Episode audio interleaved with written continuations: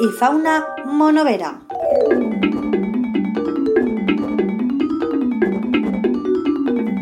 Amb Adrián Alberola.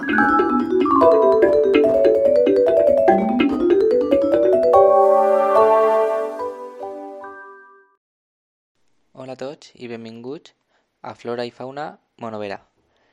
En aquest cas xerrarem d'una espècie de, de flora molt coneguda que si jo vos dic Fueniculum vulgare no sabreu quina és, però és el fenoi o eh, l'hinojo en castellà.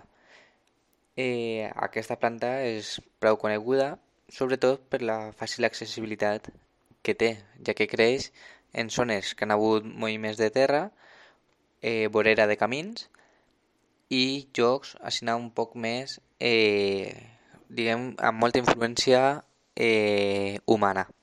No? Se diu que és una espècie nitròfila, no? Aleshores, eh, eixe, eixe moviment de terra, eixe pas humà, és el que deixa eh, molt nitrogen en terra i aquestes plantes són les que s'aprofiten. I per això eixen en aquestes eh, zones no? Eixes voreres de camí, zones en moviment de terra i tal, el, la presència eh, humana. Bé, eh, esta planta pot ser perenne o bé bienal. Eh, és una herba, pràcticament, encara que se vega la tija erecta, cilíndrica, d'un color verd eh, blauet, però eh, és una, una herba, diguem-la així no? Eh, sol, sol mesurar de 50 centímetres fins a 2 metres, més o menys, eh, i després té dos tipus de fulles. Els, inferi els inferiors pareix que tinguen com una rameta, no? està com a separat de, de, la, de la tija, i els superiors, diguen que són els més, els més joves, es tenen eh, en forma de llargues eh, vaines unides a, a lo que és la, la tija. Eh, les seues flors eh, fan una inflorescència en forma d'umbela que ve a ser en forma de paraulles. No? Tant el que és el conjunt de flors com el conjunt de totes les rametes que tenen les flors. Tant una com l'altra formen eh, eixa forma de, de paraulles. I les flors en realitat són eixes xicotetes al final de cada, de cada rameta de color groguet sinó com si fos una cera, i floreixen a partir de juny.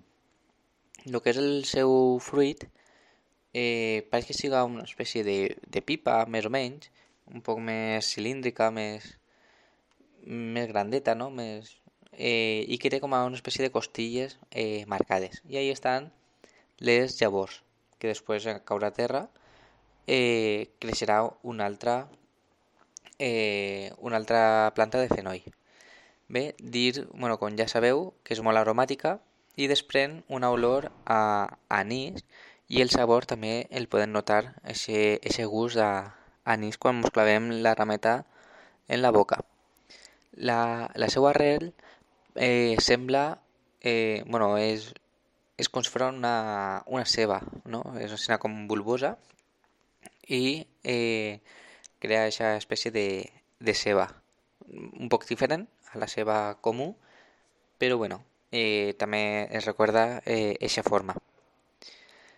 Eh, esta planta, eh, degut a que és molt aromàtica i molt accessible, s'ha conegut molt i aleshores eh, s'ha usat molt en la medicina tradicional en el que ve a ser el dia a dia de les persones eh, en un pas més, més antic. Ara cada vegada s'utilitza menys no? se utilitzen menys aquests recursos naturals.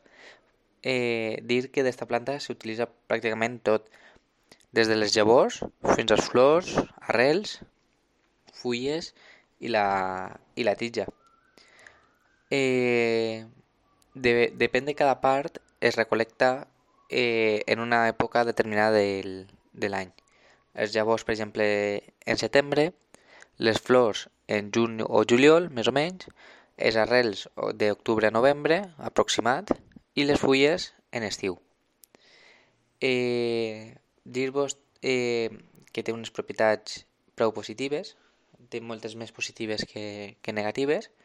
Per una part, eh, és estimulant, oftàlmica, eh, carminativa i eh, laxant. Pot rebaixar la tensió i eliminar grasa de la, de la sang. Les arrels són prou diurètiques, eh, al igual que eh, les seues llavors.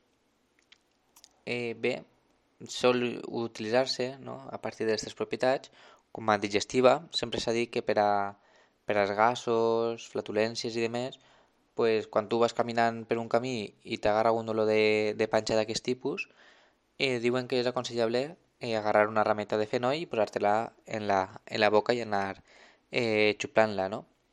Com és tan, eh, també tan aromàtica, també eh, en contra de la halitosis, no? el, mal, el, el mal sabor de, de boca, la mala olor de boca.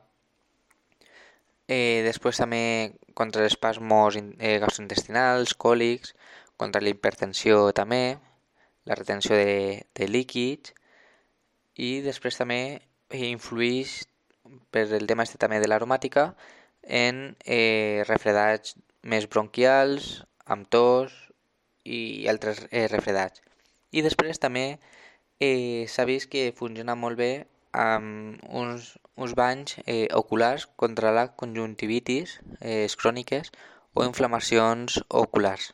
No? Eh, però després també tenim una part un poc menys eh, contraindicada, que és la hipersensibilitat al fenoi. Clar, si tu tens una al·lèrgia, està clar que millor no t'arrimes a, a ell, no?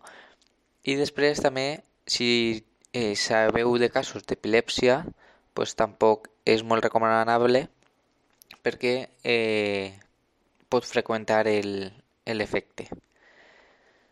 Eh, dir que la seva arrel eh, se pot utilitzar en, la, en alguna ensalada o, o bé bullida.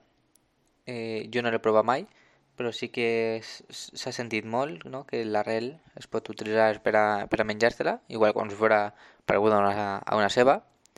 Després les llavors se poden aromatitzar eh, begudes o, o menjars. I després també pues, eh, estais, eh, la tija vull dir, pues, se pot eh, utilitzar per a fer eh, licors, per exemple, per a donar-li un sabor a lo que ve a ser el tradicional herbero o infusions i, i de més, no? I per tant és una, és una planta que s'ha utilitzat des de fa molt temps, inclús des de se tenen eh, constància de que fins en l'edat mitjana s'utilitzava, no? estava considerada com una planta màgica i que era capaç de desfer els designis de, de la bruixeria, no? eh, fins i tot. I després també eh, havia un costum en alguns jocs que a vísperes del solstici d'estiu de, penjar un manoll de, de fenoi en la, en la porta de casa per a eh, espantar els mals esperits no? que, que podien eh, haver. No? Aleshores és una planta molt, molt utilitzada en aquestes regions i, i també està molt expandida a nivell eh, nacional. No? Té una gran superfície i eh, molt, molt coneguda per tots. Esta és una de les plantes que quan jo pregunto a la gent, quan fem alguna activitat a l'aire lliure i tal, que quina és, eh, quasi tots, des dels xiquets fins als més majors, pràcticament la coneixen, la coneixen tots. No? I per tant, pues, també té s'ha conegut molt i té tots aquests efectes beneficiosos i aquests eh, costums. Així que Eh, moltes gràcies a tots i ens veiem en el pròxim programa. Espero que us hagi agradat.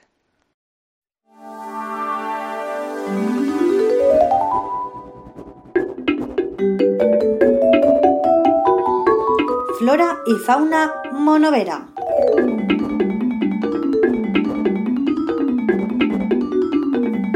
Amb Adrián Alberola.